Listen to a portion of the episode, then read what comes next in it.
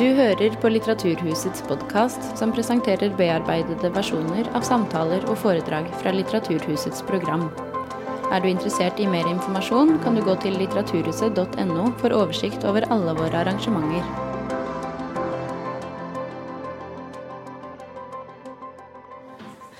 Nils Fredrik Dahl skriver bøker som dirra.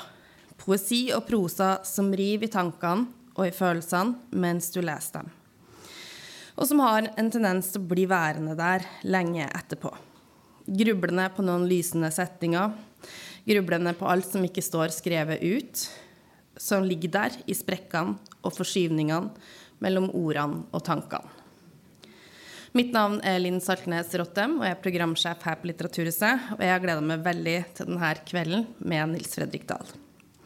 En av våre fremste samtidsforfattere, som står bak en rekke kritikerroste og prisvinnende romaner, diktsamlinger, gjendiktninger og skuespill. Hans forrige roman, 'Mor om natten', var et nært og personlig portrett av moren etter hennes død, og fikk mange lesere. Denne gangen tar han utgangspunkt i det ukjente livet til faren. I romanen 'Fars rygg', som har fått kritikerne til å trekke fram superlativer som Romanen er noe av det beste, såreste, sobreste, mest elegante og berørende jeg har lest på veldig lenge. I Fars rygg så forsøker Nils Fredrik Dahl å sirkle inn farens historie, som han bare kjenner bruddstykket av. Men hvordan skrive fram en historie som aldri har vært skrevet ned, men som likevel har logget der under familiehistoria? Fortelleren forsøker å dikte fram sin egen far, forsøke å nærme seg hans ensomhet og uro i en urolig tid. Og det er nettopp måten Dahl sorterer bitene i denne mosaikken av en far, en farmor og en farfar fra en svunnen tid, og ringvirkningene deres historier har, som er så imponerende og sjelsettende. Hvordan romanen skildrer alt det her vi ikke har språk for.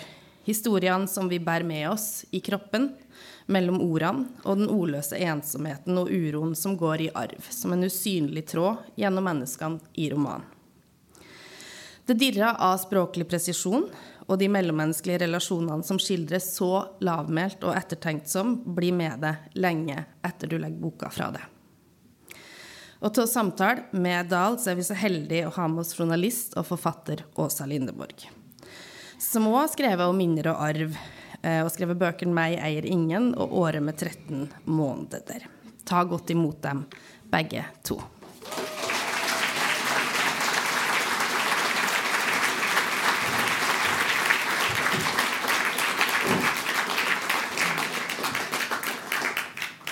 Tusen, tusen hjertelig takk, sier jeg. Jeg òg. Hvilken fantastisk bok du har skrevet. Den är helt underbar. Den är allvarsam, sorgsen, men väldigt, väldigt mjuk och med ett språk som gör att man trivs i det här rummet. Jag vill aldrig gå ur ja. rummet. Så gratulerar med ja, allt. Det är ett privilegium att få prata med dig här. Vi ska göra så att du börjar att läsa ett stycke. Okej. Okay. Varsågod. Då gör jag det. Vi kan sikkert snakke litt om det, men uh, jeg uh, skjønte under arbeidet med denne boken at jeg måtte behandle meg selv veldig strengt. Jeg måtte uh, nesten ta meg selv helt ut av denne historien. Men jeg skal likevel lese noe hvor jeg er med, men det er fordi dette avsnittet handler litt om hvordan skrive. Hvordan jeg har tenkt rundt skrivingen av denne boka. Eh, derfor, altså. Og litt mer er det vel også, kanskje. Fra far til dommeren. Dommeren er fars far i denne boken. Fortellerens farfar. Fra far til dommeren har jeg altså ingen brev. Ikke fra Stabekk, ikke fra Sveits, ikke fra Norge, ikke fra Sverige.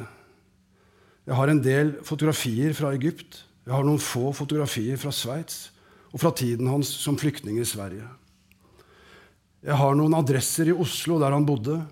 Jeg har navnet på en jødisk gutt han gikk sammen med i Sveits, og navnet på en italiensk pike ved samme skole. Utover det har jeg ikke mer enn halvkvedete viser, enkelte replikker, brokker av historier. Jeg har dette store, ukjente rommet inni meg der det er holdt av plass til fars historie. Der den skal passe inn som en hånd i en hanske. Men det gjør den ikke. Det er ikke mer enn noen små, harde biter som skrongler rundt inni der. Samtidig kjenner jeg et savn så stort at jeg synes jeg snubler i det hvor enn jeg går. Etter et menneske jeg ikke vet så mye om, og ikke kan si at jeg kjente, enda så ofte vi sto tett inntil hverandre, og enda jeg merket varmen hans, jeg hørte pusten hans, jeg hørte at han sang. Jeg har fotografier og brev, og jeg bruker dem for det de er verdt, og enda litt til.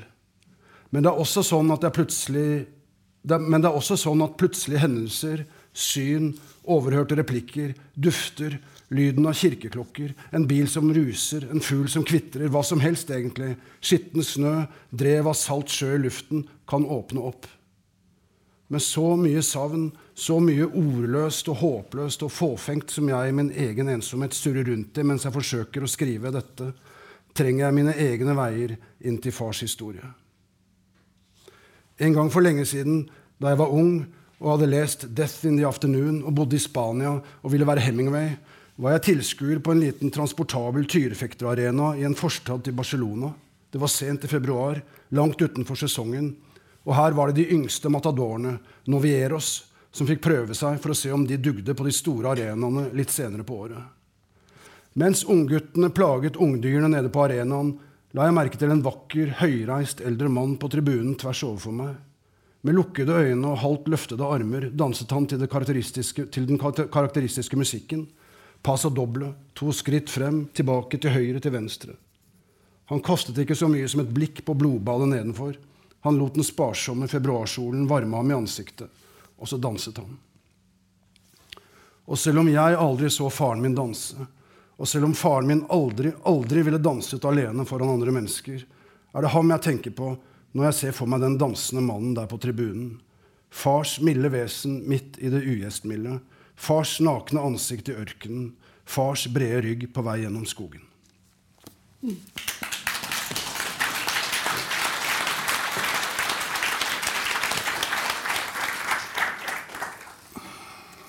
Så, nu har vi fått känna lite på Nils språk här och pappans rygg som det avslutas med. Och det är också det som boken heter, Fars rygg. Jag säger pappa, det gör vi på svenska, men den heter ju Fars rygg. Jag ska ja. försöka hålla mig till far. du kan si vad du vill. Är det så? För att om, jag, om man, jag säger far, du kan säga pappa. Ja, för om, man, om man kallar min pappa för far så blir ja. det någon annan figur. Så jag ska försöka hålla ordning på det här. Eh, det är en bok om din, om din far eh, och hans uppväxt. Han född 1921. Mm. Och eh, han flyttar med sina föräldrar 1926 till Egypten. Ja. Med mamma Ellen, din farmor, och domaren, domaren ja. farfar. Vem är den här domaren? Han är en ganska avgörande figur för den här berättelsen. Ska du berätta lite? Ja, alltså, eh, han, är ju, han bygger på eh, en... Alltså, detta är en, en bok som er biografisk på mange måter. Eh, men, eh, men den er ikke noe én-til-én-historie. Så dommeren i boken bygger på min farfar, som, eh, som i 1926 ble utnevnt som en av dommerne i, i de såkalte blandede domstolene i Alexandria, som var en ja, på tampen av virkelig rene kolonialismetiden i, i, i Egypt. En lang, lang tradisjon som skulle dømme mellom egyptiske borgere og utenlandske borgere. Mm. I, i, så, så, sånn at eh, utenlandske borgere skulle slippe å bli dømt av egyptisk uh, lov. Det var helt nytt for meg. Jeg kjenner ikke ja, til det der Altså. Det var spennende. Det er ikke en veldig kjent historie, men uh, den uh, ja. Og da flyttet de først til uh, liten by Mansoura ved, ved, ved Nilen, og så to år senere inn til Alexandria Uh, og, og, dommeren uh, i boken er en uh, mann med et ganske stort selvbilde. han er på mange måter større enn livet. og det, Slik virker han på andre, og slik virker han nok på seg selv.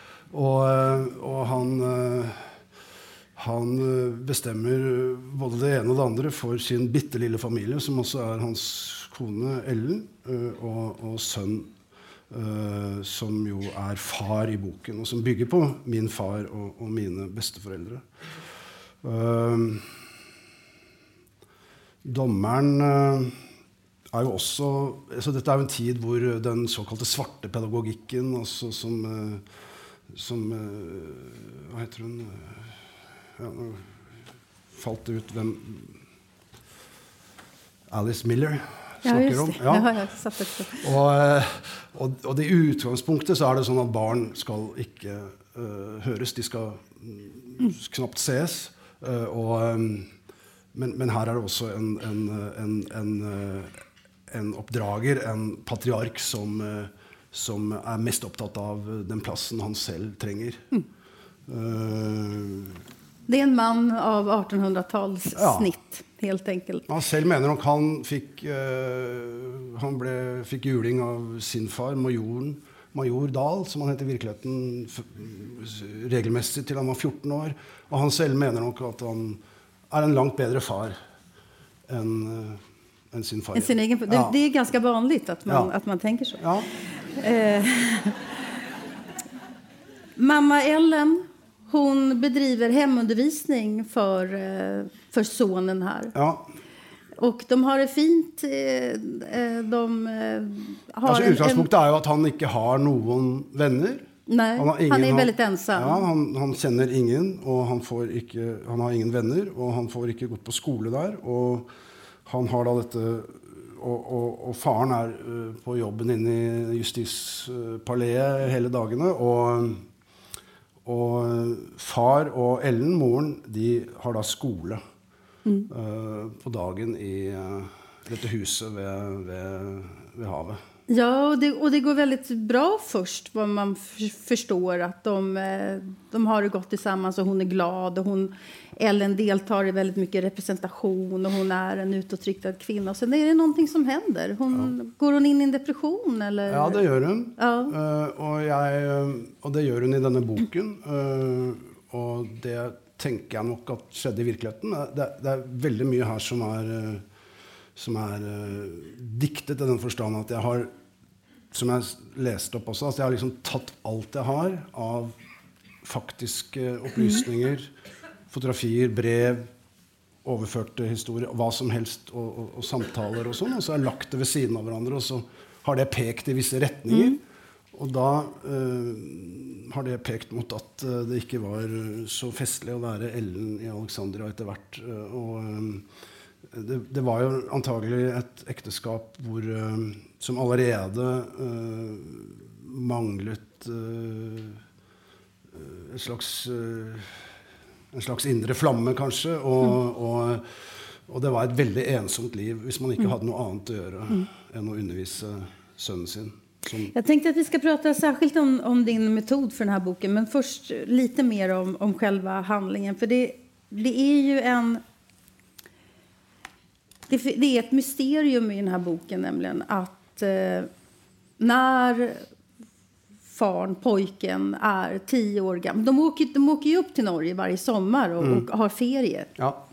Och när han är tio år gammal, det här 1931, då lämnar de honom där. 13 år. 34. 13 år igen. Ja. 13, förlåt, mm. jag hade etta i matte. Ja. Mm. Eh, de lämnar honom där, åker tillbaka till Alexandria och han blir ensam kvar och hamnar på en skola i, som kanske uttalas i Stabäck. Det kan bra nok. Ja. ja. Stabæk. Stabæk. Stabæk. Stabæk. Ja. Um, de, lämnar, de lämnar honom där, så att han blir ännu mer ensam. Ja. Och eh, sen gör de ju om samma sak igen. Ja. En gång till. Vi ska komma till det sen. Men det här mysteriet, hur kan man lämna ett barn? Ja. Eh, pojken i boken, eller faren, din far, funderar inte så mycket över det. Han, man förstår att han är ensam. Han, han, han målar. Ja, han, han er 13 år. Ja. Han, han, fyller 13 år den dagen han blir hentet og kjørt til denne fremmede familien. Så, ja. så var han var en 13-åring egentlig Men det han lurer på, er jo om de har solgt ham. Ja. Uh, og, og, altså, han forstår jo ingenting. Han våkner opp på Stabekk, og, og han har bodd de siste uh, åtte årene i Alexandria og mm. husker svært lite av de første årene i Norge. Og, og, eh, og forstår ikke helt det som har hendt. Uh, dette vet jeg også veldig lite om. Mm. Men, men, for meg var det for meg var det sånn at jeg tenkte det jeg vet minst om, det er en grunn til at jeg vet så lite om det. Ja. Og, og, og, og, det er der jeg kan gå inn. Ja. Og jeg har jo tenkt, jeg vet ikke om det stemmer, men jeg har jo tenkt at fordi far fortalte altså ingenting fra de to årene i Stabekk, annet enn at han fortalte hvem det var han bodde hos, Just det. så har jeg tenkt at det var ikke noe han ville snakke om. Nei, det, nei, det er helt tydelig. Jeg syns att det er ganske flott at du, in, at du ikke taler om for meg hva jeg skal tenke. Utan ja. du, du lämnar öppet for, for leseren. Og det fins mange forklaringer, tenker jeg. Det kan være at eh, att mamman blev så deprimerad så att eh, hon inte klarade av sonen. Det kan vara att de tänker, tänker jag, kan vara att eh, Alexandria inte är en, en, bra plats för ett barn. Eh, det kan vara att de tänker att han får en bättre utbildning i Norge. Det kan också vara att de tänker att de klarar sig utan sitt barn i, i vardagen. At Att man kan lämna ifrån ja, altså, seg sitt barn. Det er mange svar på det, tror jeg. Jeg tror at det med utdanning var, en, var den offisielle grunnen. Ja. Men jeg tror nok også at eh, det var ikke uvanlig å, å behandle barn på den måten. Nei. Det var ikke helt uvanlig. Nei. Nei. Nei. Det, det, virker liksom uh, vanvittig nå. Men, uh, men, det var ikke uvanlig. Nei. Karakterdannende og en annen syn ja. på hva barn klarer av. Ja. Han skulle bli en verdensborger. Det Just, det. Skulle, Just det. Da kommer han til Stabekk. Ja. Herr og fru K. Ja. Eh, du går ju in och ut i, i fiktion och, och eh, fakta i den här boken. Och det, det är så härligt att man, inte, att man inte vet, tycker jag. Men ibland säger du nu går jag ut och låter honom gå på ski. Nu, nu, mm. nu låter jag honom läsa en stund för ja. och så. Herr och fru K, finns det ett progressivt rektorspar som tar hand om... Han får bo där i två år. De har förlorat sin egen son. Ja. Hur mejslar du fram dem där? Det är två nydeligt vänliga personer. Ja. Eh, jeg visste jo hvem de var, for jeg visste navnet. Ja. Eh, og så gikk jeg inn, og, og, og så oppdaget jeg at de hadde mistet et barn. Mm. Og, oppdaget, og, det hadde jeg ikke hørt noe om. Og så oppdaget jeg at det skjedde under et år før far kom dit. Og så er jo det sånn Takk, kjære Gud, du er snill mot forfattere. For da tenkte jeg bare Hva?! Og, og, og, da kunne jeg liksom bruke det for alt hva det var verdt. Da. Ja. Uh, så Men uh, uh, Det var Ikke sant? Det var Jeg måtte gjennom ganske mange hva skal vi si, slør mens jeg skrev, fordi det var liksom det var naturlig å tenke at de var herr og fru K. At de var ikke var snille, f.eks. At var, han kom til dette forferdelige hjemmet, ja. liksom Dickens uh, som, Men nei. Uh, herr og fru K, de tror, jeg tror de var, uh, det var nødvendig at de var vennlige, mm. gode mennesker. Og, og, det gjorde det at jeg kunne åpne opp I det hele tatt Det å slippe til det å slippe til varme inn i, i, i, i skrivingen utvider rommet mm. veldig. Det å, det å, tenke at uh, at uh, alle er bare Vi er bare mennesker, alle sammen. Det, det, det er viktig i livet, men det er også ganske viktig i skrivingen. Ja. Jeg er ikke så begeistret for skurker og, og, helter i bøkene. Nei, du har jo en, en uh, veldig ljus menneskesyn eh, i denne boken.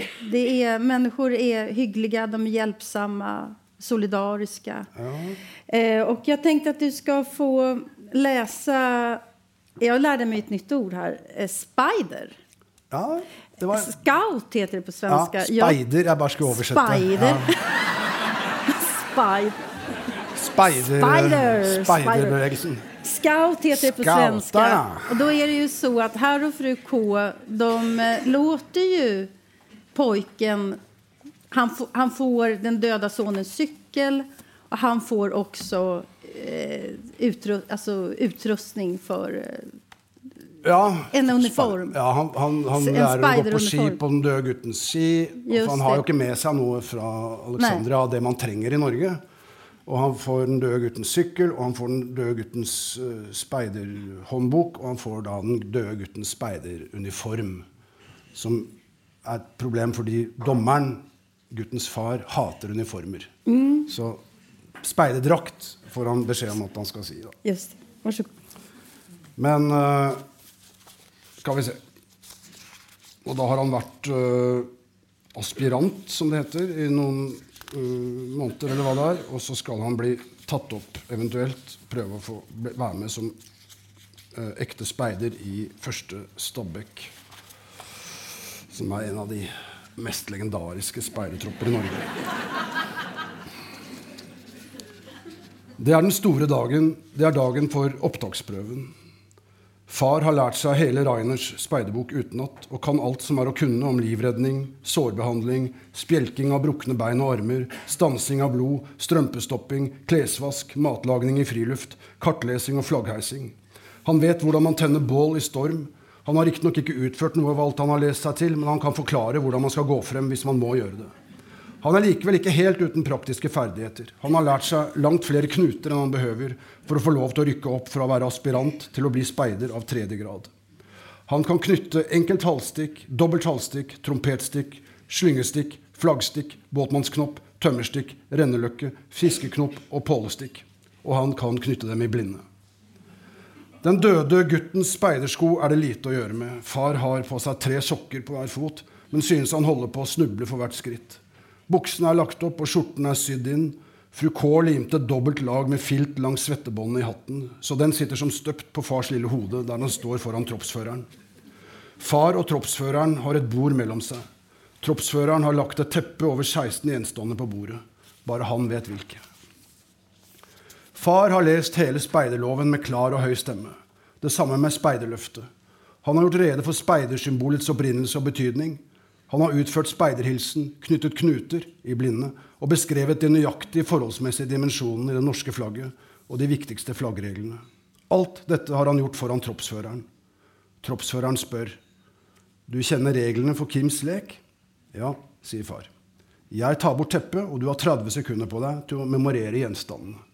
Ja, sier far. Så legger jeg teppet tilbake igjen. Ja, sier far. Og så skal du kunne huske 12 av de 16 gjenstandene. Ja, sier far. Teppet fjernes, og far ser. En nøkkel, en monokkel, et fingerbøll, en teaterkikkert, en kork, en kubjelle, en sykkelklemme, et fotografi, en damehatt med slør, en rull kruttlapper, et brilleetui, en utstoppet bokfink, en porselensengel, en piperenser, en sigar, et turkompass. Først går det fort. Han sier sykkelklemme, han sier engel, han sier sigar. Så må han tenke. Han sier kikkert, han sier kruttlapper. Hvor lang tid har han? Han sier kubjelle, han svelger. Monokkel, sier han. Og kompass. Troppsføreren nikker oppmuntrende. Nøkkel!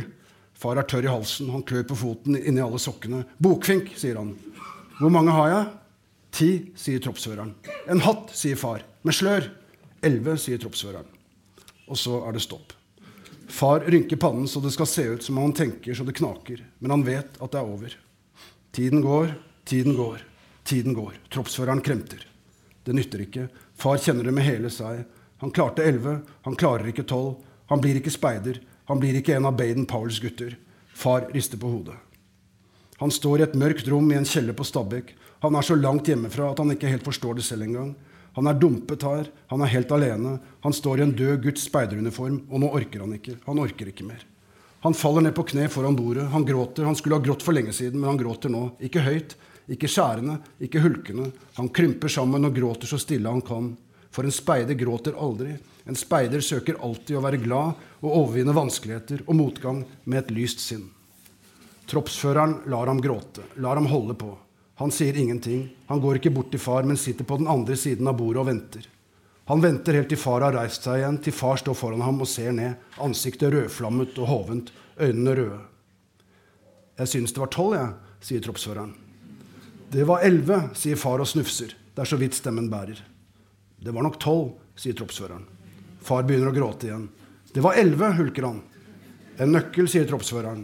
En monokkel, et fingerbøl, en teaterkikkert, en kubjelle, en sykkelklemme, en damehatt med slør, en rull kruttlapper, en utstoppet bokfink, en porselensengel, en sigar og et turkompass. Hvor mange blir det? Jeg sier far. Hvor mange blir det? gjentar troppsføreren. Tolv, sier far. Men tolv, sier troppsføreren. Han reiser seg og hilser med tre fingre mot hattebremmen. Velkommen til første Stabekk, sier han. Speider, vær beredt, sier han. Far svelger. Fars hånd skjelver litt, og han løfter hånden til hilsen. Alltid beredt, sier han.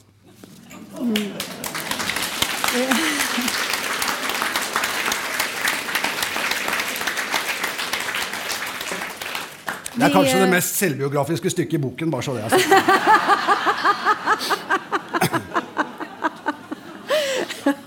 Jeg gråt meg inn i speideren. Jeg elsker at du låter honom få bli, at Ja. klara av det der te- testet. Det er, det er jo så mye varme i denne boken samtidig som den er djupt, djupt allvarlig. Domaren kommer til Genève och hämtar sin... Eller han, kom, han kommer till Stabekk och hämtar sin son, Ja, kör iväg honom till Genève ja, och lämnar honom en gång till. ja. Eh, ja, alltså det gjør gör så ont. Alltså, eh, vad... Jo, men altså etter de to årene eh, på Stabekk, så er det to år på pensjonatskole i Genéve. Uh, og det vet jeg heller ikke så mye om. Hva som hendte Nej, men du förvaltar, ju, du förvaltar ju din fantasi här väldigt, väldigt eh, väl, målar upp. Men det är fortfarande en ensam eh, pojke. Ja, altså, da har han blitt 15 år. Ja, Og da har han levd 15 år uten egentlig å være i annen sosial uh, sammenheng og utveksling av erfaringer enn med sine foreldre. ja. Så han kan jo veldig lite om livet, rett og slett, og, og hvordan livet skal om, Ikke leves, for det er det jo ingen som vet, men altså, hvordan man liksom gjør, da. ja. Og, og så kommer han dit, og det er jo en skole med Da har han hatt eh, så som så erfaringer med skolen på Stabekk. Så kommer han dit, og det er jo en, en eh, pedagogisk veldig moderne skole som er tuftet på, på Folkeforbundets, altså forgangeren til FNs, eh, som jo hadde hovedkvarteret i Genéve. Det var jo opprinnelig en skole som ble laget for deres ansattes barn, eller representanters barn. Uh, og, og det er med veldig radikale pedagogikk uh, og, og helt åpen skole. Også sånn at det da er undervisning Dette er, dette er jo virkeligheten. Uh, undervisning for blandede klasser. Altså de bor eh, Jentene og guttene er atskilt når de sover, men de har undervisning sammen. Og det var såpass radikalt at eh, skolen ikke fikk støtte fra verken Genéve eller fra Sveits i det hele tatt. For det, det kunne de ikke støtte.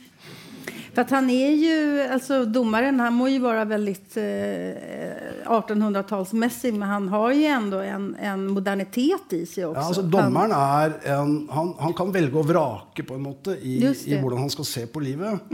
Så, og Det er kanskje ikke en sammenheng hvordan han behandler sin egen familie med hvordan han tenker at verden skal være, men han er ganske radikal. Han er pasifist. Han, han, øh, han øh, er mot uniformer, han er mot stormaktene. øh, alt dette. Og han vil at hans sønn skal gå på en skole hvor, hvor, hvor han, det er triveligere å gå. da. Altså, dommeren domaren skriver jo brev til sin son eller til, til din far eh, regelbundet mens mamma ikke hører av seg. Ja. Överhuvudtaget. Eh, men jag tänker, vad gör det här med eh, eh, din far att bli förlatt två gånger Ja. på det här viset? Vad, vad tänker du att det har gjort med honom? Jag, jag jeg tenker jo først og fremst at han att, At, at han eh, ble plassert litt på utkanten av, av livet, og at han også kanskje plasserte seg selv der i, i, i, i, noen grad. Og uh, at han eh, ganske raskt, eller ikke ganske raskt, men over tid forsto at livet var noe han måtte klare, men at han på en måte ikke visste hva han skulle gjøre. Og at han stilte seg da på utsiden i veldig stor grad uh, av, eh, av livet. Det høres ut altså Det er vanskelig å, å bli konkret, men at han på en måte fant sin måte å leve på. Den var eh, ganske uavhengig av verden utenfor. Mm. Jeg tenker at han... Eh, så han, han längtar efter sin mamma veldig mye. Han, han tittar sig i spegeln og ser at han ser annorlunda ut. Han har kommet inn i puberteten. Og han undrar, skulle mamma, skulle mor känna igen mig om Ja. hon såg mig nu? Mm. Alltså det är sånt avstånd her. Ja. Eh, men jeg tenker... Ja, altså, jeg vet jo, som jeg, som jeg sier, så vet jeg jo ikke hva far tenkte. Jeg vet ikke Nei, jeg vet, hadde- ja, jeg jeg- bare forklarer. Så at jeg lever meg jo inn i ja, din Jeg vet ikke hvordan han hadde det. Men jeg må jo også leve meg inn i det. Hva er Ja. det å ikke se foreldrene sine på nesten fire Ja. år? Altså, hvordan, hva, hva gjør det med en? Eh, og, og, og det er liksom veien inn, da. Og, det är en väldigt drabbande fråga. Känner, skulle Ja. mor känna igen mig? Jag, jag har hamnat i puberteten og man ser att Ja. allting ändras. Men med far, min egen far så var det jo sånn at han Jeg tenker på han som Da han var en yngre voksen mann, så var han en, en øh, han, Da var han på kanskje Da slet han litt med, med ensomheten og sin bakgrunn. Og, og, og, og så skjedde det et eller annet, et eller annet sted øh, hvor han kanskje vendte seg mot uh, dette livet han egentlig ikke forsto og egentlig ikke slapp inn i, men han så på det med undring og nysgjerrighet og med varme og kjærlighet. Og, og, og dette er jo litt liksom Jeg har jo ønsket å skrive en bok full av det samme for å på en måte si at jeg så det der, jeg vet det, og jeg har merket det, jeg har, jeg har, jeg har fått det av ham. Og, og om han nå sto utenfor og var så ensom og ikke helt fikk til uh, mange ting, så, så var han i hvert fall en, en Så overførte han varme og kjærlighet til sine barn. Det merkes jo her, men, men jeg kan enda undre, fins det ingen ilske överhuvudtaget? Hvor? Ja, mot föräldrarna. I boken, eller i meg, eller i Nei, bok, alltså, jag, sa, jag, kan, jag saknar lite eh, ilskan Ja. i barnet. Ja. Far. Ja, I far. far. Att han, han, han funderar, han är, han är ensam och han, han saknar och längtar. Men Mm. han måste väl också ha varit sint? Ja, det, det kan godt tenkes. Eh, jeg tenker vel også at uh, for å være sint, så må man ha en slags uh, forståelse av at det finnes noe annet. Og han har jo vokst opp i fullstendig liksom Det er ikke noe mer enn denne treenigheten som ikke fungerer. Det er liksom det han har. Uh, og alt annet er en bonus for ham. For han er jo også en, en mann som vil være med i livet. Og som ser med beundring og undring på verden rundt seg. Og hvis han får lov å være med, så får han det bra. Og så får han det dårlig igjen. Men ja. det er ikke alltid det går som det skal. Men, men, men også uh... Jeg tror vi skal prate litt om din metod her. Ok. Ja, den, du, du innledet jo med å lese om metoden. Du måtte oppfinne din pappa. Eh, du berättar i boken att eh, du frågade din far om du fick intervjua honom. Alltså, som barn berättade han för dig lite grann och du lyssnade inte. Man lyssnar inte på sina föräldrar när, man var, när de berättar om sina egna liv och man vill inte höra. Eh, sen frågade du om du fick intervjua honom och då så svarar han så här. Eh, han vill bara prata om, han vill inte prata om det som har varit ont och ledsamt. Och då så säger du så här. Jag vill ha allt eller inget. Annars är jag inte intresserad. Ja. Hur tänkte du där? Nei, jeg var ung og dum, da. Hvor gammel var du da? Nei, jeg var jo altfor gammel til å svare så eh, Men, det, altså jeg, men, men jeg har tenkt på det sånn at som sønn så var det et forferdelig svar. Og han må ha følt seg veldig avvist. Eh, og hvis jeg virkelig ville vite noe der og da, så var det også et dumt svar. For jeg er helt overbevist om at hvis han først satte seg ned for å fortelle, så ville det flomme ut av ham. Det, det vet jeg egentlig. Men som forfatter, så mange år senere, så tenker jeg jeg er veldig glad for at Ja, ja. jeg avviste det. For da kunne, da kunne jeg, jeg få lov å fortelle hva som skjedde da. Ja, naturligvis, naturligvis. Men jeg vet jo nok da til eh, at eh, Jeg mener, jeg har, ikke, jeg har liksom ikke funnet på at han var alene. Jeg har ikke funnet på at han hadde en autoritær far. Disse tingene. Mm. det, jeg vet nok til å kunne på en måte gå inn i dette med full dekning. Ja, ja. Ja. Jeg tenker at eh, eh, tror at de fleste barn vil ikke høre sine foreldre berätta om det som har gjort ont. For at det gjør ont i en selv. Ja. Utan man vil bare høre om det som har vært bra. Ja. För dig var det tvärtom. Du ville bare høre om, om, Ja, men om det det, var- svåra. Ja, det, det var det jeg tenkte var, kunne bli noe, da. ikke sant? Jo, men, Men du ja. har rett, for eh, jeg husker en gang hvor han begynte plutselig å fortelle en historie som er brukt i boken, Uh, om at han fikk, ble underrettet skriftlig fra dommeren i Alexandria Mm. om at uh, hans foreldre var nå skilt. Mm. Eh, og det fortalte han, og det husker jeg jo at det var så sterkt for oss begge to at vi, vi, vi bare måtte avslutte. Ja. Vi, og nå snakker vi ikke mer om det. Nei. Og det har jeg også tenkt mye på. at der, der kunne jeg jo bare ha I det hele tatt. Jeg tenkte selvfølgelig det, det er to ting når foreldre dør. I hvert fall har det sånn, vært sånn i mitt liv. At, at stor del av savnet handler jo om hvor lite jeg egentlig da skjønner at jeg visste om dem. Og det andre hvor ignorant og, og uinteressert jeg var i, mens de levde, i hva de egentlig hadde å komme med som mennesker. Da. Det, det har jeg tenkt mye på. Ja, det är väldigt allmängiltigt. Ja, jag tror att de flesta jag. här känner igen sig. Jag försökte intervjua min bästemor Ja. eh, och eh, stängde av bandspelaren Ja. eh, därför att hon började prata om otroheter och Ja. sådana saker. Jag Ja. klarade inte av att höra det. Jag förstod att jag vill ha henne som den mormor hon är. Jag vill inte ha helheten, Ja. människan. Jag ville inte det.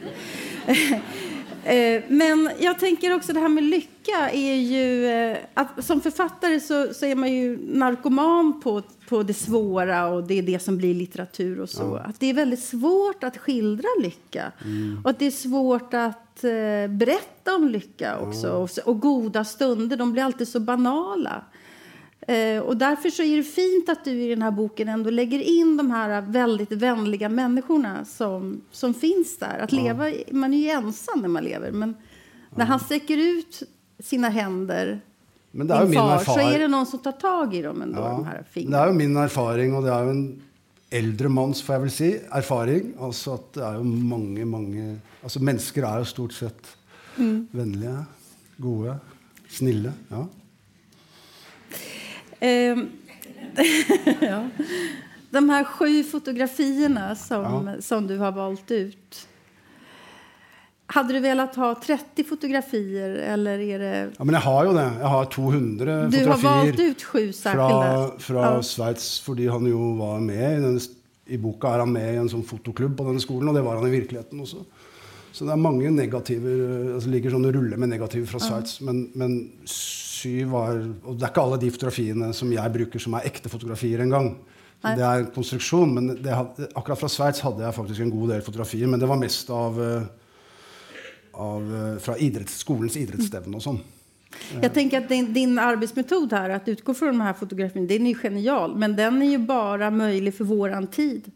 För nu så fotar alla hela tiden. Så att Ja. den, den som skulle vilja liksom fantisera och så, där, där finns Ja. det bevis som Jo, liksom men det var på man tar bilder sätt. hele tiden, men så bytter man telefon, og så er bildene Ja, borte. Altså, eller du glemmer å betale for iCloud, eller hvordan dette skjer. Jeg, jeg ser for meg at uh, vi kommer til å sitte helt uten informasjon pga. Ja, ja, det digitale. hoppas, hoppas du har rätt, för det är så du föds stora författarskap. Ja, ikke sant? När, när eh, eh, din far då är 17 år, eh, då, 1938, då kommer, då kommer föräldrarna och, och hämtar honom i Genève. Och kör till... Nei, till ikke ett- helt sånn, altså, fordi uh, det som skjer, er at uh, han, han må ta seg dit på egen hånd. Da.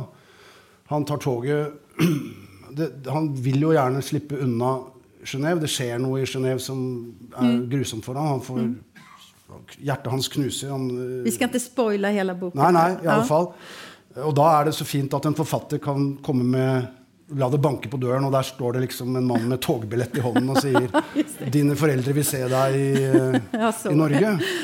Og så han kommer seg opp dit, og, og det er jo da hvor de pleier å være hver sommer, uh, Skeikampen, eh, som er fjellområdet i Norge, hvor det er et høyfjellshotell hvor de er hver sommer. Og der er det sånn at eh, denne sommeren, sommeren 1938, eh, så har Høyfjellshotellet ansatt en, en, slags vertinne som skal underholde gjestene med litt sang. og er også en habil tennisspiller, juniormester, og kan gi undervisning i tennis. Og hun, øh, hun og dommeren faller da for hverandre liksom der. Og tilbake i Oslo så sitter da far og moren hans, mens dommeren og denne Otilie Bang, som hun heter i boken, kjører i den åpne bilen ned mot Alexandria. Så det er det som skjer i 1938. Bortsett fra at, og som jeg også har forsøkt å skildre, er jo, er jo uh, verden som går i stykker rundt mm. ham i denne ensomheten. ikke sant? Med, med, krigen som nærmer seg, og jødeforfølgelsen og, og uh, det veldig, veldig utrygge, da. Ja. Eh, og Tilde Bang hun fins jo i en, en, mor om natten også. Ja, ja. Eh, og her dyker, dyker jeg får jo sånne fantasier om henne at hun er en riktig sånn femme fatale som finns mm. i mm. sånne film och sådär. Är en, det är en magnifik eh, figur trots att hon är med väldigt lite. Men då blir ju din, då blir din pappa förlatt en tredje gång av sin far. Ja. För att han flyttar ju ner till Alexandria med, mm. med sin nya mm. kone som han bara hämtat mm. här. Och Eh, og da, da, får jo da far, som jeg nevnte, det brevet om altså To år senere får han et brev, rekommandert brev hvor han får beskjed om at uh, du husker kanskje Otilie Bang, som jeg traff på, du traff henne på Skeikampen Høyfjellshotell. Hun er nå min nye kone. Uh, så, men jeg gleder meg til vi skal skrive brev på fransk sammen, du og jeg. skriver dommeren. Og så kommer krigen. Ja. Og da går det jo fem år til. Så da er det syv år før han ser dommeren igjen. Mm. Mm. Men eh, din farmor, hun sitter der med skammen. Hun tar ikke av seg vigselringen. Hun, eh, hun eh, kan ikke en, akseptere det. Dette er jo, ikke, altså, dette er jo en, en, en privilegert uh, klasse som denne boken foregår i, men det har jo sine ulemper. Blant annet eh, så skal man ikke skilles i 1938 uh, eh, uten at det er en kjempeskandale. Og, og, og det var faktisk sånn at uh, min farmor hun flyttet da til Oslo og fortalte ikke engang sine egne søstre hvorfor hun hadde Nei. kommet til Norge igjen. For det, det fikk uh, den ene søsteren vite av en bekjent på gaten. Mm.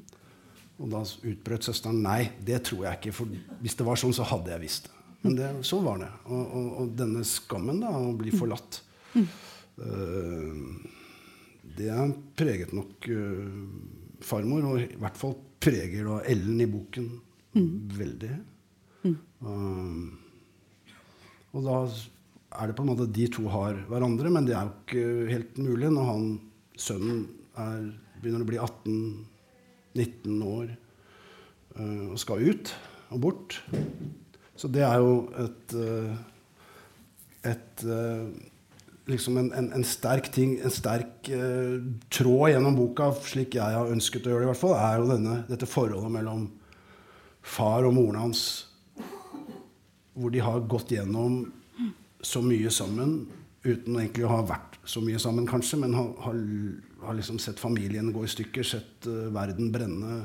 Uh, sitter plutselig der og, og, kan ikke snakke sammen. Mm. Rett og slett fordi de ikke vet hvordan man snakker sammen. Uh, og så sier hun at 'du er alt jeg har'. Og dette fortsatte jo, og, og, og hun havner jo til slutt på aldershjem, og, og han besøker henne hver dag. Og de snakker ikke om dette i det hele tatt. Nei. Uh, men det er noe der. Det ligger der i hvordan de beveger seg, hvordan de drikker et glass vann, liksom. Det er jo der hele tiden. De bærer det med seg. Du skriver at uh, ensamhet går, i, eller ensamhet går i arv. Jeg gir ensomheten tilbake nå med denne boken. Hva, hva, vil du utvikle det? Ja, jeg skriver at, Ikke at ensomhet går i arv, men at jeg tror at ensomhet går i arv. Ja, just det. Det er jeg som sier at ensomhet går, i arv. Og så, Nei, det, det, sier jeg jo, for at det er jo egentlig en Jeg har jo, jeg har jo skrevet denne boken på en måte med utgangspunkt i fars liv. Mm. Og så har jeg bestemt hvordan fars liv da var som barn og ungdom. Og har jeg rett i det? ja, Det vet jeg ikke, men jeg må i hvert fall si fra. Det er det jeg gjør i det avsnittet. Jeg sier fra. Nå gir jeg Om det var så at du ga meg din ensomhet, og at den gikk over på meg, så her får du den tilbake. Nå, nå skriver jeg om din ensomhet. Da. Så uh, det er ikke sånn veldig mer enn det, men det var for å si fra at uh, mm. det er jeg som det er jeg som har funnet på dette, samtidig som jeg tror at jeg har dekning. og jeg, har, tror jeg, har mye, jeg, jeg er ganske sikker på Men jeg, det jeg vet, er at jeg ikke vet noen ting om hvordan han Man vet jo ingenting om hvordan andre har det egentlig. ikke sant? Det, dette er jo, en, dette er jo, Sånn sett er det jo 100% fiksjon. Men det baserer seg på veldig mange biografiske elementer. Jag tänker att ensamhet är också en trygghet på många sätt. Att oh ja. Den som är ensam kan ju inte bli lämnad. Ja. Det er klart, eh, alle sånne det er, det er, jo derfor så mange blir værende i ensomhet. Eller det er ikke derfor så mange blir værende i ensomhet, men, men det, det, er en faktor til at, at, at det er faktisk et Det fins et tak og en vegg og en gulv. Vi er ensom. Det, er jo, det, gjelder jo mange ting. Det gjelder depresjon, det gjelder alt. At det, det kan fremstå som trygge steder å være. Mm. Men det er jo ikke det. Nei, nei. Nei, Altså, det går jo an å være alene. Ja, ja, det, det er noe annet. Ja, det är ja. er nei, men ing, ingen menneske kan leve bare av sin egen kraft utan man, man måste jo ha støtte fra andre. Men din pappa fikk jo ge veldig mye til, til sin mor der når hun blev, när hon blev ensam. Sen försvinner han ju bort då, han, eh, under kriget. Ja, han... Och eh, du gör ju någonting som jag är intresserad av här. Ja.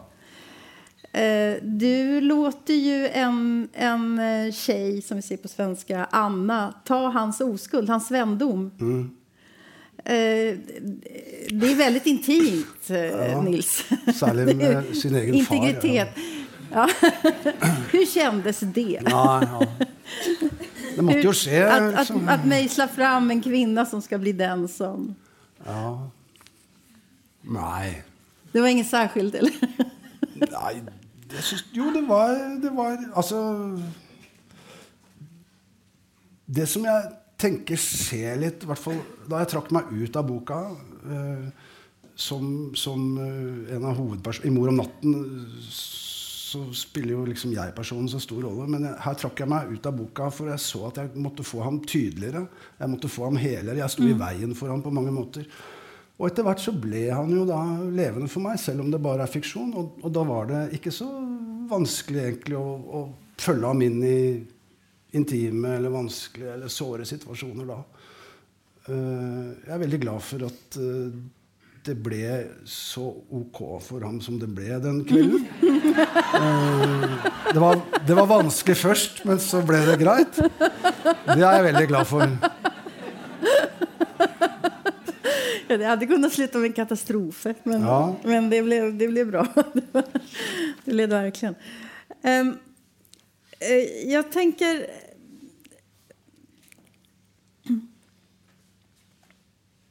Du har noe väldigt...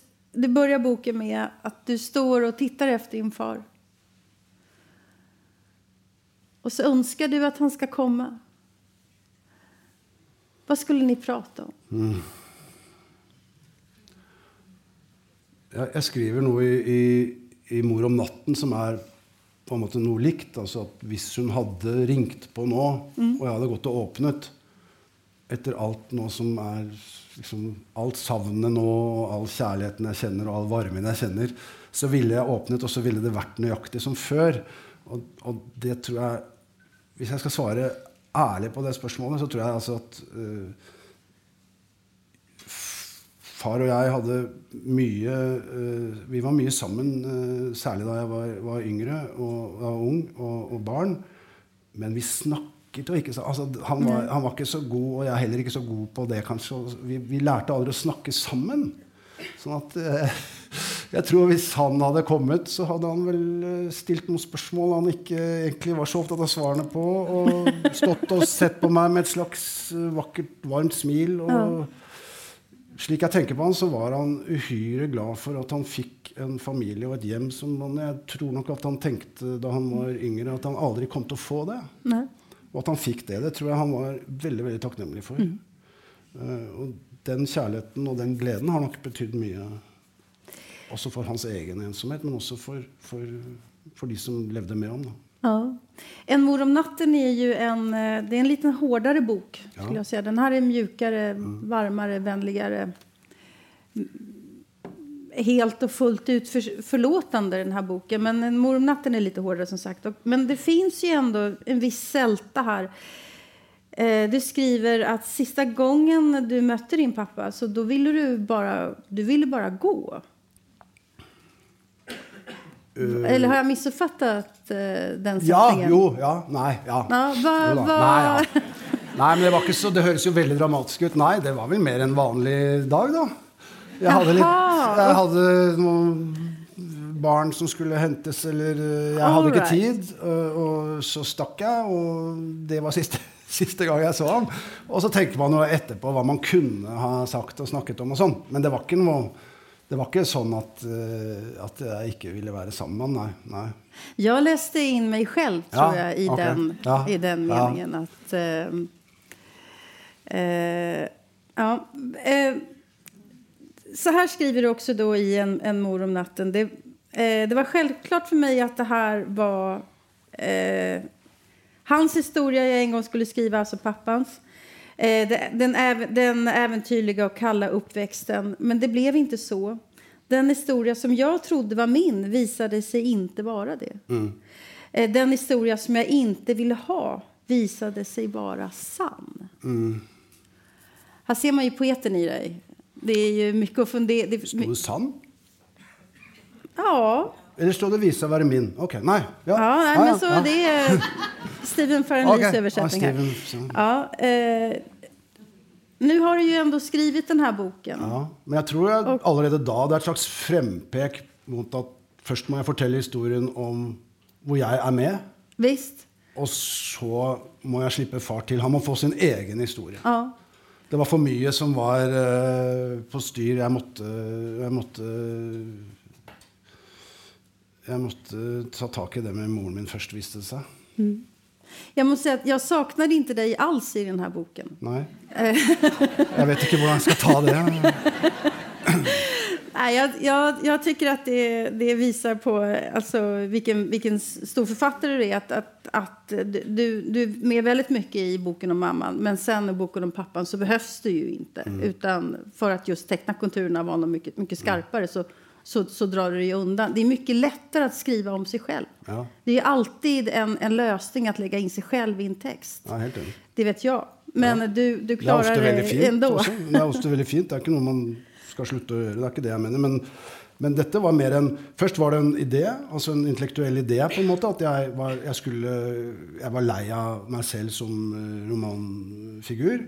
Og jeg skulle midtveis i fars rygg så skulle jeg få sparken. Jeg skulle skyve meg selv ut av boka, og han skulle ta over 100% Men det var jo bare en idé, og som alle gode ideer eh, så er de en forfatters verste fiende. Sånn at eh, jeg- ble liksom presset ut av boken helt fra starten etter hvert. Og forsto at uh, det jeg må gjøre, er, å, er egentlig bare å lene meg tilbake. Og så må jeg la far komme mot meg gjennom tiden han levde i, og, um, og, og bli virkelig for meg, da. Virkelig. For han er jo en fiksjon, da. Ikke sant? Ja. Eh, för det, det, nu när vi börjar runda av den här kvällen så är det ändå en fråga som jag har. Alltså jag har ju också skrivit en bok om min pappa. Jeg vet. En fantastisk eh, bok om ja, min ja, pappa. ja. Eh, Men eh, det, min, fråga, min fråga här är... ehm, jag konstruerar ju också en pappa såklart. Eh, och jag har efter det med den boken och alla läsare, du ska se alla dina läsare som precis som jag laddar in en massa förförståelse och egna erfarenheter i din pappa här. Eh, och jag, mina läsare har laddat min pappa med, med, med sig själva och sådär. Jag eh, fick nästan pan, eller jag, jag tyckte det var besvärligt en period att jag inte riktigt kunde skilja den pappan som fanns i boken och den pappan som ändå var det autentiska, riktiga. Er det här någonting som du har funderat över hva som kan hende? Ja, altså Det er et syndrom. Det er jo, det er jo, en, det er jo en ulykke, selvfølgelig. Eh, eh, fordi eh, det er jo fiksjonen som tar over. Visst, det, det er jo så. Ja. Så eh, Men eh, Men jeg må også si at jeg og, altså, Både litteraturen og livet er jo fullt av paradokser. Og, og, jeg har da diktet frem både mor og far. Og jeg har da fått et mye nærmere forhold til mor og far enn jeg hadde før jeg gjorde det. Og det får bare være sånn. Jeg har, altså rent personlig, mm. som ikke har noe med verken boken eller litteraturen å gjøre, så har jeg, har jeg det mye bedre, bedre, nå som jeg har disse to fiktive foreldrene. Eh,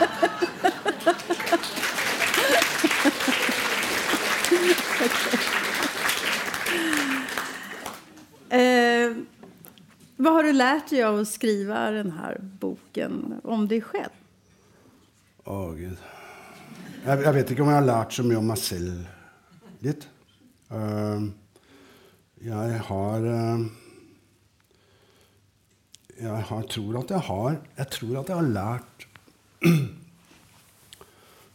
Jeg tror jeg har lært um, en, Og jeg tror at jeg skal fortsette å lære det til jeg, til jeg dør, holdt jeg på å si, at um, At jeg vet så lite om mennesker.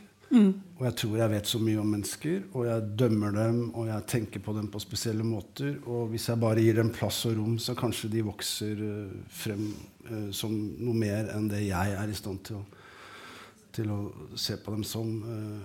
Og, og, da er det så fint at som forfatter så kan jeg gjøre det. da. Som menneske kan jeg av og til komme til kort med det. Men, men jeg mener alle har jo altså selv Hamlet, eller så tidlig som Hamlet, som har denne monologen om, om hvor rikt og hvor ubegripelig mennesket er. Liksom. Uh, og, og, det kan jo være godt å bli minnet på når man sitter og skal skrive bøker som tar utgangspunkt i faktiske menneskers liv. Jo, og det bør egentlig sies, og jeg sier det jo mange steder i, i begge bøkene dette vet jeg jo ingenting om, og jeg har mm. kanskje ikke rett til å gjøre det. Og, og, men jeg gjør det. Du er veldig, veldig tydelig med å signalere at uh, det fins visse moraliske eller etiske problemer i, ja. i, det her. Du flagger hele tiden for, ja. For det. Så det, det behøver du ikke være urodd for. at noen Nei, nei, jeg bare sier at det, det, det er helt nødvendig å, å, minne både meg selv og leserne mm. om. da. Mm. Jag tänkte när jag, när jag läste Mor om natten så du hittar din, din mammas dagböcker och så upptäcker du tio år upptäcker att du, du är inte nämnd där. Eh, ja. så, så vill jag minnas det. Ja, och, jo, och, Og och det, det, skulle jag säga är ett övergrepp. Skulle jag uppfatta som barn. Att skriva en bok om en förälder är också ett slags övergrepp. Ja. Men, men eh, man kan se at ni har spelat lika i den där matchen då kanske. Ja,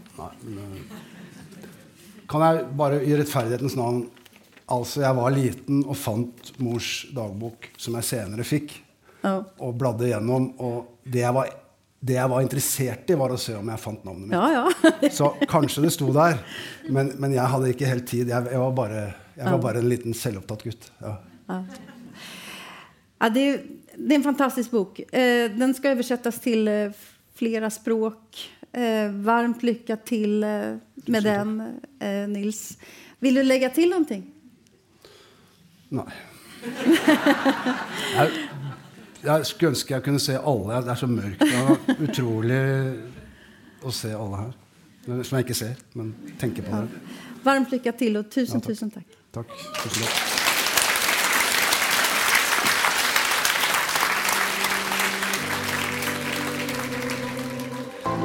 Du har hørt på Litteraturhusets podkast, som presenterer bearbeidede versjoner av samtaler og foredrag fra Litteraturhusets program. Del gjerne podkasten med familie og venner via iTunes eller Soundcloud om du liker det du har hørt. Følg oss også på Facebook og på litteraturhuset.no for informasjon om flere aktuelle arrangementer. Musikken er laget av Apotek.